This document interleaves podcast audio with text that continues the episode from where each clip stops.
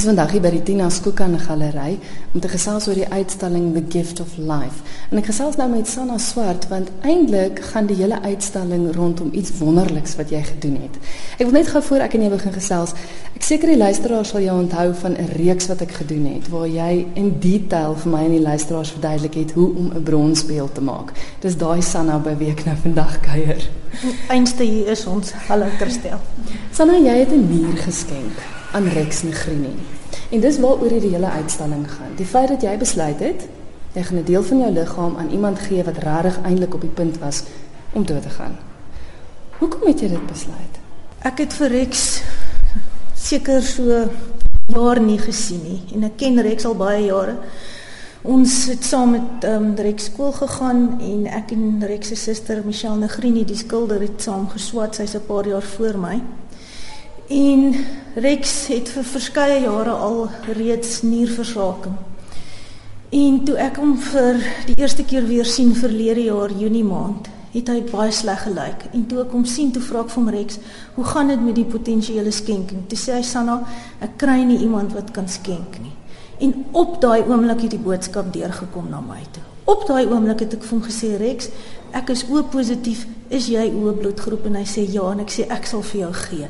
Ek het nie daaroor gedink nie. Ek het nog nooit in my lewe rondgeloop met die idee om vir iemand 'n nier te skenk nie. Ehm um, inteendeel, ek het al bloed geskenk, maar nierskenk het ek nog nooit gedoen nie. Maar ek het besef dis 'n kwessie van lewe en dood. Hierdie ou gaan nie langer as nog 'n jaar kan leef nie. En van toe af het dit deur die proses gegaan en dit 'n jaar gevat vir die departement van gesondheid om toestemming te gee. Al die toetse wat ons moes deurgaan. En uiteindelik het ek toe op die 21ste Junie van hierdie jaar vir hom my linkernier geskenk en sy lê nou knus in sy buik holte voor en haar naam is Sinistra en want ek het die linkernier gegee en aangesien hy opera sanger is het ons besluit die Italiaanse naam Sinistra wat links beteken is 'n goeie idee om sy sy nuwe nier te doop En um, ja, sy sal nou saam met hom leef vir die res van sy lewe. Ek ken jou as 'n besonderse beskeie mens. Dis dis hoe ek jou leer ken het. Hoe voel dit vir jou vir die feit dat jy weet jy regtig iemand se lewe gered? Ek dink dit is een van die grootste mees wonderbaarlikste goed om te doen. En ek het nooit besef wat dit aan my en my siel sal doen totdat ek die dag wakker geword het en hy langs aan gelê het en hulle my deur die gordyn gewys het waar hy lê en ek het hom gesien en hy het na my gekyk en ek het besef ek het hierdie man se lewe gered. Dit is dis dis iets meer as die kreatiewe proses wat ek doen elke dag met beelde bou.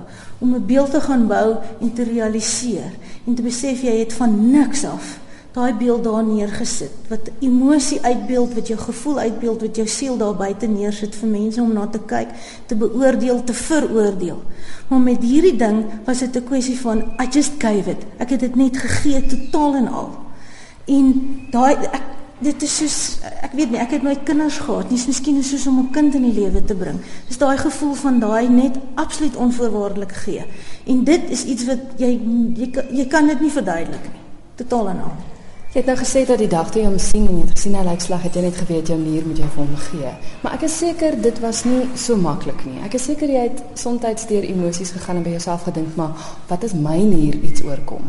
En ek het nou een weggegee vertel vir my 'n bietjie van die emosies waardeur jy gegaan het. Ja, weet natuurlik, uh, Christel, ek is mos um, geneig om baie vinnig te praat. So mense sal sê, jy maak jou mond oop voor jy gedink het daaroor. My ma sê ek het uitgespring en ek het gepraat en gesê as van dat ek klein was.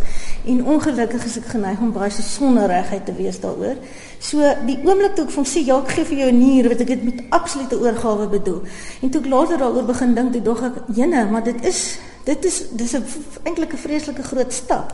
En toe ek begin lees daaroor en weet myself vergewis van wat dit is om nou eintlik vir iemand 'n nier te gee en en ja, ek het ek het 'n tyd en omdat dit so lank gevat het die proses het ek 'n jaar gehad om daardeur te werk.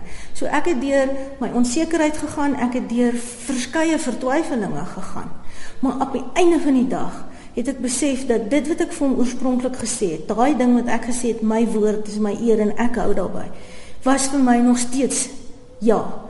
En die navorsing wys dat mense wat 'n orgaan geskenk het, 'n lewendige nierskenker, leef gemiddeld 20 jaar langer as ander mense om hulle. Waarom? Omdat hulle na hulle self kyk, omdat hulle gesond leef, omdat hulle jaarliks vir hulle mediese uh, uh, toetse gaan, omdat hulle seker maak dat hulle 'n gesonde leefstyl handhaaf. En meeste mense doen dit nie. Meeste mense gaan nie vir toetse nie. So en en daar is omtrent geen mortaliteitsry uh uh grense in terme van mense wat sterf as as gevolg van die skenking van 'n nier nie. So ek gaan 'n wonderlike ouderdom van seker 85 of 90 hou. Sanna die uitstalling The Gift of Life.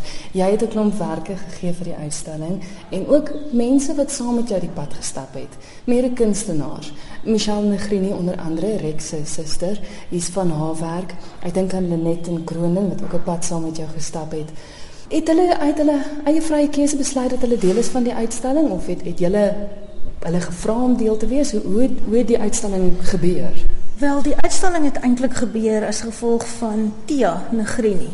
'n uh, Rex se ma en sy is ook natuurlik die eienaar van die Skookan Galery in Fairy Glen. En sy het gevoel dat dit belangrik is om die vreugde van die feit dat hy leef en dat hy nier werk en dat hy gesond is. Sy wou dit vier en sy wou nie wag vir nog 'n hele jaar nie. Sy wou dit nog hierdie jaar gedoen het. En sy het my gekontak en gesê ek wil so graag net 'n uitstalling hou. En kom ons noem dit the gift of life uitstalling oor daai hele wonderlike gawe wat dit is om te kan leef. Want ons besef nie dit elke dag nie. Ons haal asem sonder dat ons besef eintlik wat dit is om dit te doen. En wat 'n voorreg dit is. Dit is 'n verskriklike voorreg. En toe het sy vir my gesê, "Is daar mense wat jy ook wil nooi?" Sy sy het kunstenaars wat deel van haar en Rex se lewe was en uh, en hulle familie en struktuur en het ek mense toe sê ek ja ek het kunstenaars wat aan my kant ook baie betrokke by my was. Ehm um, die mense byvoorbeeld in my studio soos Karen Smith en Kate Potts wat onder dieselfde dak saam met my skep. Ehm um, mense soos Lenet en Kroden wat 'n skilder is wat baie baie nou saam met my werk kreatief. Ehm um, wat ook toevallig uh, wat ek gevra het om foto's te neem van die enkelike operasie sodat ek daai herinneringe het.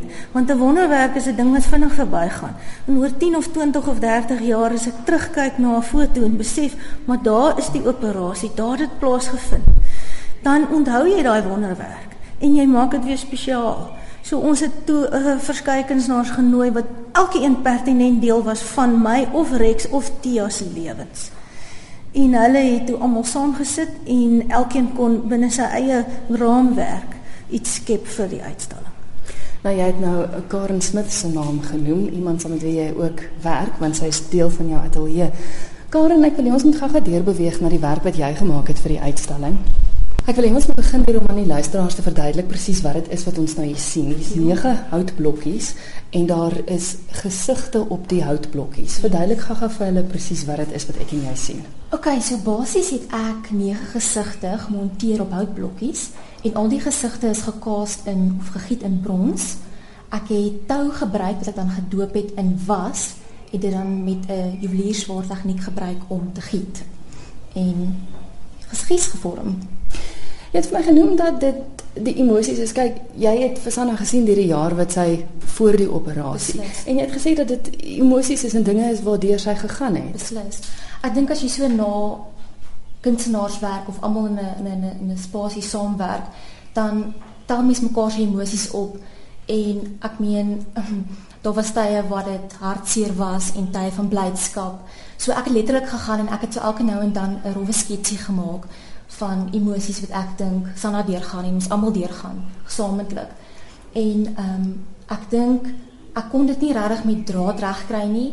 Brons is net 'n absolute wonderlike medium en ek voel net ek kon regtig die emosie en die vorm en die lyne die beste regkry met fyn gietwerk. Dit is interessant dat jy gesê het dit is brons want op die eerste oogopslag as mense dit sien dan lyk dit ja. presies soos eintlik geroeste draad wat ja. jy gevorm en gevou het. Dan stap mens nader en dan sien jy o nee maar wag, dit lyk soos tou. Ja. En dit is interessant dat die feit dat jy gesê het maar dit is tou wat jy oorspronklik gebruik het waarin jy dan die, die ja, brons gegiet het. Ja, oorspronklik gehad het as jy daarna kyk van ver af moet jy dink dit is net dit is net 'n skets. En as jy nader kom dan sien jy o nee dit is driedimensioneel.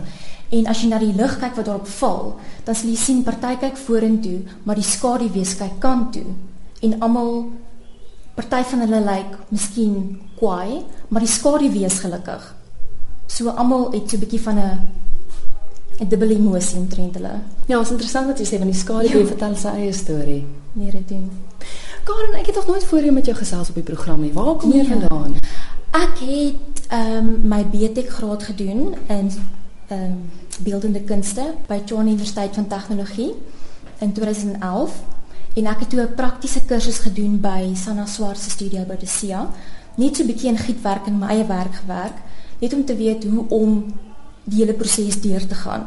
Alles van 'n uh, rubbermol te maak tot met die bron bronscasting, die ehm um, afwerking daarvan, die dipping, die waxes te trek en alles.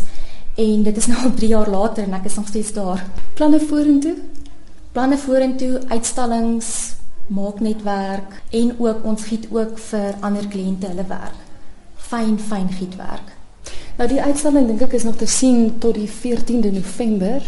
Ja, 14 November is reg, Christel. Vir enige inligting as hulle met julle in verbinding sou wou tree, het julle 'n webwerf waar hulle kan gaan kyk waarmee julle nog besig is. SA Artpath. Ehm um, dit is op Facebook of net op die internet. Baie dankie vir die kuier en Sanna, ek dink jy's 'n voorbeeld vir baie van ons. Daar sê, wie wanneer? Dankie.